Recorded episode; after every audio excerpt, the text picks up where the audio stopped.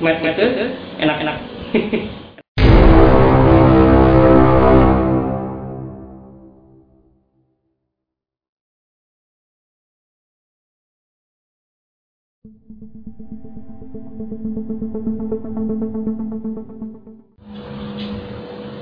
Halo, jumpa lagi sama gue Mas Madness. Ini adalah podcast ketiga gue. Gak kerasa ya, ketiga aja ya. Sesuai dengan janji gue di podcast sebelumnya, yang kali ini gue akan membahas mengenai metamfetamin. Ya, itu eh, stimulan ke sistem saraf pusat. Oke, gue mulai dari sejarah dulu kali ya. Eh, met ini pertama ditemukan pada tahun 1881 oleh ahli farmasi Jepang namanya Nagai Nagayoshi di Jerman.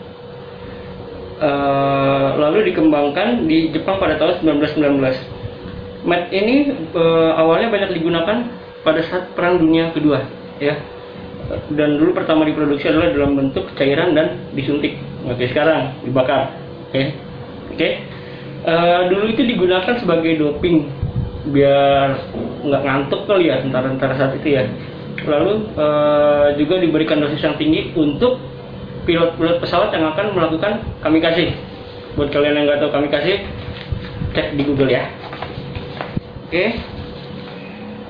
Lalu pada tahun 1950 ini mat ini sebenarnya digunakan di, di dunia medis. Itu untuk eh, diet dan melawan depresi. Karena mudah didapatkan dan banyak dikonsumsi oleh supir dan mahasiswa akhirnya produksi berlebihan dari sini nih awalnya awalnya penyalahgunaan. Terus juga di tahun 60 itu semakin meluas. Dan tahun 70 baru dianggap ilegal.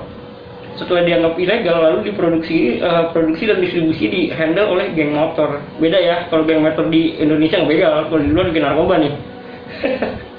Lalu pada tahun 90-an kartel Meksiko mendirikan lab besar di California yang mampu menghasilkan sekitar 22 kilo per minggu. Dan selanjutnya bermunculan lab-lab kecil yang bersifat pribadi e, menyebar sampai ke Eropa. Ya, dan tapi untuk saat ini e, yang banyak beredar di Asia adalah dari Cina, Myanmar dan dari Thailand. Itu ya e, sejarah singkatnya ya. Lalu kalau dari sisi pengguna nih, mantan pengguna, Matt itu enak enak asli enak ya kan fokus bukan fokus lagi over fokus bahkan bisa dibilang ngawur ya semangat tinggi. Terus kalau lu hobi berkendara kalau lu kena met wah itu fokusnya bagus banget tuh. Lu ngebut pun perhitungannya mantap. Oke negatifnya. Itu tadi positifnya ini negatifnya. Satu halu. Yang kedua baper. Baper. Lu kalau ketinggian baper tuh. Jadi jangan heran kalau pengguna met yang ketinggian tiba-tiba jadi malah jadi rajin sholat malah jadi inget dosa. Kalau gue sih ketawa ngeliat gitu. Itu sebenarnya bukan keinginan keinginan dia buat buat sholat bukan keinginan dia buat tobat bukan tapi halu karena ketinggian makanya kenapa di description setiap video gue pasti bilang jangan diskusi karena halu gitu yang gue mau. Oke? Lalu sis- eh, dampak negatif yang ketiga adalah asam lambung lo naik. Ya biasa itu kalau habis kena met perut nggak mau makan panas gitu ya. Di sini juga nggak enak panas tuh. Itu kalau dulu gue pakai itu sorry gue nyebut merek nih. Ya nggak apa-apa kali ya. Oke? Badan pegel. Badan pegel-pegel napas sesak. Lalu eh, dampak negatifnya lagi impian banyak dream gue banyak realisasi nol. Ya karena halu. Lalu yang paling fatal adalah nagih setelah drop. Ya jadi pada saat lu, tenaga lu udah habis tenaga lu udah hilang ya lu harus di doping lagi dengan itu. Pengalaman pribadi gue pertama kena met tahun sekitar tahun 98 lah ya di Jakarta saat itu Eh, 98 sampai 2004 itu pun nggak terlalu sering karena memang pada e- era itu yang lagi ramai adalah heroin. Ya, jadi sabu dulu kalau lagi ada ya gue pakai kalau nggak ada ya udah. Ya emang susah sih nyari barangnya juga. Oke dan parah-parahnya gue adalah di tahun 2010 sampai 2015 karena eranya berubah. Nih gue nggak tahu nih ini permainan kartel atau apa ya. Kayaknya narkoba ini ada zaman zaman ini 2010 sampai sekarang ya masih sabu ya kan jangan ya 2010 sampai 2015 gue parah dosisnya pun ya lumayan besar. Dulu ya bisa dibilang duit habis buat itu cuman gue ada cara dulu. Eh, caranya mirip-mirip sama gue waktu kena bensu kemarin. Jadi awal-awalnya gaji habis dapat duit habis dapat duit habis. Terus lama-lama gue pikir jadi goblok kalau gue kayak gini. Jadi yang benar adalah dulu gue belinya itu per setengah kantong. Satu kantong itu 12 G gue beli 6 G gue titip ke orang. Terus gue beli lagi setengah kantong gue titip lagi ke orang. Uh, gue nggak ngambil duitnya. Kayak biasa cuma dapat pakaian doang. Sampai gue pindah tugas pun ya masih tetap gila sabu. Gue dulu banyak tugas sekitar 14 tahun lah ya pindah-pindah kota pindah provinsi. Kita terus masih gila sabu. Terus pernah ada kejadian lucu? Gue ketinggian sabu. Jadi saat itu gue habis pakai di tempat gue terus gue juga gue ke tempat kaki gue nih uh, tempat beda-beda yang lah ya buat tutup bahan dibukain lagi. Ke tempat satu dibukain lagi ketinggian tuh gue jadi saat itu gue inget gue belum makan. Kan kalau uh, kalau udah terlalu rutin kena sabu makan lu makan tidur lu tidur. Nggak nggak kayak yang jarang-jarang. Kalau jarang-jarang kan yang melotot kayak kan bisa tiga tiga malam. Gue nggak saat itu. Jadi gue ketinggian gue uh, inget deh gue belanja di minimarket nggak sebut merek ya? Gue belanja di di minimarket gue beli rokok terus uh, gue beli larutan penyegar. Ya kan? Abis dari situ gue jalan. Gue jalan ke tukang sate. Makanlah gue sate di situ. Selesai gue makan sate gue cari dompet gue mau bayar. Kagak ada dompet gue untuk masih ada sisa duit di kantong. Terus gue bayar deh sate kan? Dari tukang sate ya gue jalan gue gue mikir-mikir dompet gue di mana dompet gue di mana oh iya gue ke sini gue ke sini gue ke sini. Mampir lah gue di minimarket itu.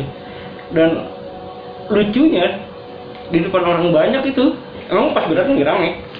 Si kasir bilang abang dipanggil diem aja kata dia. Abang dipanggil malah jalan aja. Ternyata belanjaan gue dompet gue handphone gue gue tinggal di situ. Gue lupa bener-bener lupa. Kan goblok. Lalu gue di tahun 2015 itu mulai stop tipis-tipis lah. Ya, dibilang stop banget nggak? Karena ada beberapa kejadian yang hampir membuat gue masuk penjara. Ya kejadian satu nggak kena kejadian dua nggak kena. Ya sudah akhirnya gue pikir ya udahlah ini bukan zamannya dan putus total di 2018 kemarin gue bersih sama sekali. Gue udah gak pakai lagi.